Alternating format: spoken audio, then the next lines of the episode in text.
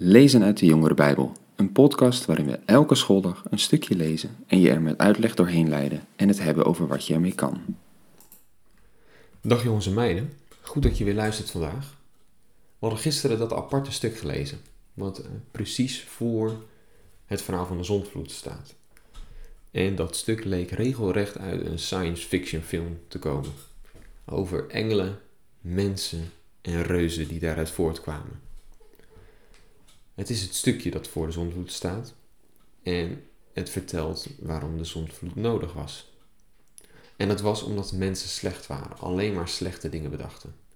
Het was nodig om opnieuw te beginnen en daardoor kwam de zondvloed over de aarde.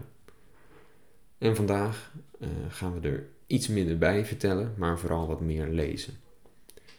Laten we dus maar beginnen bij hoofdstuk 6, en nu vanaf vers 9. Daar staat: Dit is de geschiedenis van Noach en zijn nakomelingen. Noach was een rechtschapen man. Hij was in zijn tijd de enige die een onberispelijk leven leidde in verbondenheid met God. Nou, en bij dit eerste stukje staat gelijk weer uitleg in de Jongere Bijbel over Noach die een onberispelijk leven leidde. Daar staat: Misschien voel je je wel eens alleen. Als, als je als enige christen in je klas of vriendenclub een leven probeert te leiden waar God blij mee is, terwijl de rest van alles uithaalt. In dat geval ben je in goed gezelschap. Dat had Noach namelijk ook. In zijn tijd was hij zelfs de enige die dicht bij God leefde. En dat zal niet makkelijk zijn geweest. Maar hij hield vol. Nou, als we verder lezen, in vers 10, daar staat: Noach had drie zonen, Sem, Gam en Jafet. In Noachs tijd was de aarde in Gods ogen verdorven en vol onrecht. Toen God zag dat de aarde door en door slecht was, dat iedereen een verderfelijk leven leidde, zei hij tegen Noach: Ik heb besloten een einde te maken aan het leven van alle mensen, want door hen is de aarde vol onrecht. Ik ga hen vernietigen en de aarde erbij. Maak jij nu een ark van pijnboomhout. Maak daar verschillende ruimte in en bestrijk hem van binnen en van buiten met pek, een soort asfalt. Maak hem 300 L lang, 50 L breed en 30 L hoog. Je moet er een lichtopening in aanbrengen en aan de bovenkant 1 L openlaten. De ingang moet je in de zijkant maken. De ark moet een benedenverdieping krijgen en daarboven nog twee verdiepingen. Ik laat een grote vloed over de aarde komen, een watermassa die haar zal overspoelen. Om alles onder de hemel waarin levensadem is te vernietigen. Alles op aarde zal omkomen, maar met jou zal ik een verbond sluiten. Jij moet de ark ingaan, samen met je zonen, je vrouw en de vrouwen van je zonen. En van alle dieren moet je er twee in de ark brengen, om ervoor te zorgen dat die met jou in leven blijven. Een mannetje en een wijfje moet moeten het zijn, van alle soorten vogels, alle soorten vee en alle soorten dieren die op aardbonen rondkruipen. Zullen er twee naar je toe komen, die zullen in leven blijven. Leg ook een voorraad aan van alles wat eetbaar is, zodat jullie allemaal te eten hebben. En Noach deed dit. Hij deed alles zoals God het hem had opgedragen. Ja, het is bijzonder hoe Noach hier vrij precieze aanwijzingen krijgt voor de ark, de boot die hij moest bouwen.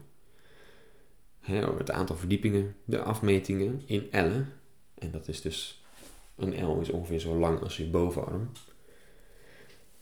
En wat bijzonder is, daar hebben we het in het uh, kamp ook over gehad, is dat het zondvloedverhaal dus over de hele wereld bekend is. Zelfs stammen in Afrika en China vertellen het zondvloedverhaal met vrijwel dezelfde details.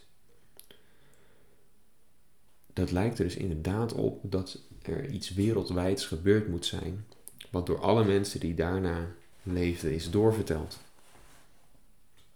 En het is ook bijzonder dus inderdaad hoe God hier de afmetingen zelf bepaalt van die ark. En dat moeten dan ook perfecte afmetingen zijn geweest.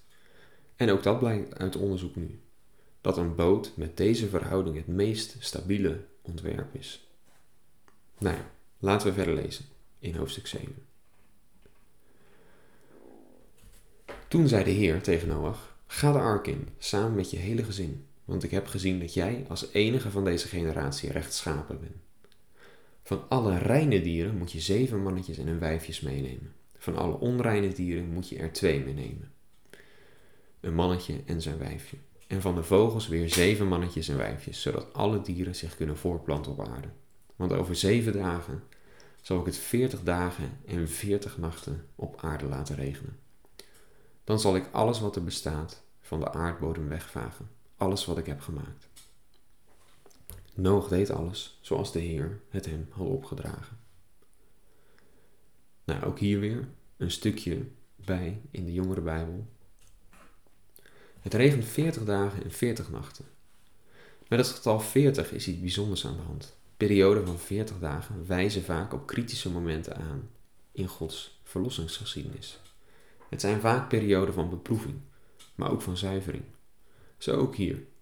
Dwars door alle verwoestingen heen werkt God via Noach aan een nieuwe toekomst. Ja, ook dit blijft een bijzonder verhaal. Hè? God die alles wegvaagt om opnieuw te beginnen. Het klinkt ook vreed dat God dat doet. Maar daarbij moet je dus wel onthouden dat de dood nooit het einde is in de Bijbel. En we zien inderdaad dat God bezig is om al het onrecht te stoppen en met iets nieuws te beginnen. Nou, dat was het voor vandaag. Morgen lezen we verder in dit verhaal. Tot dan.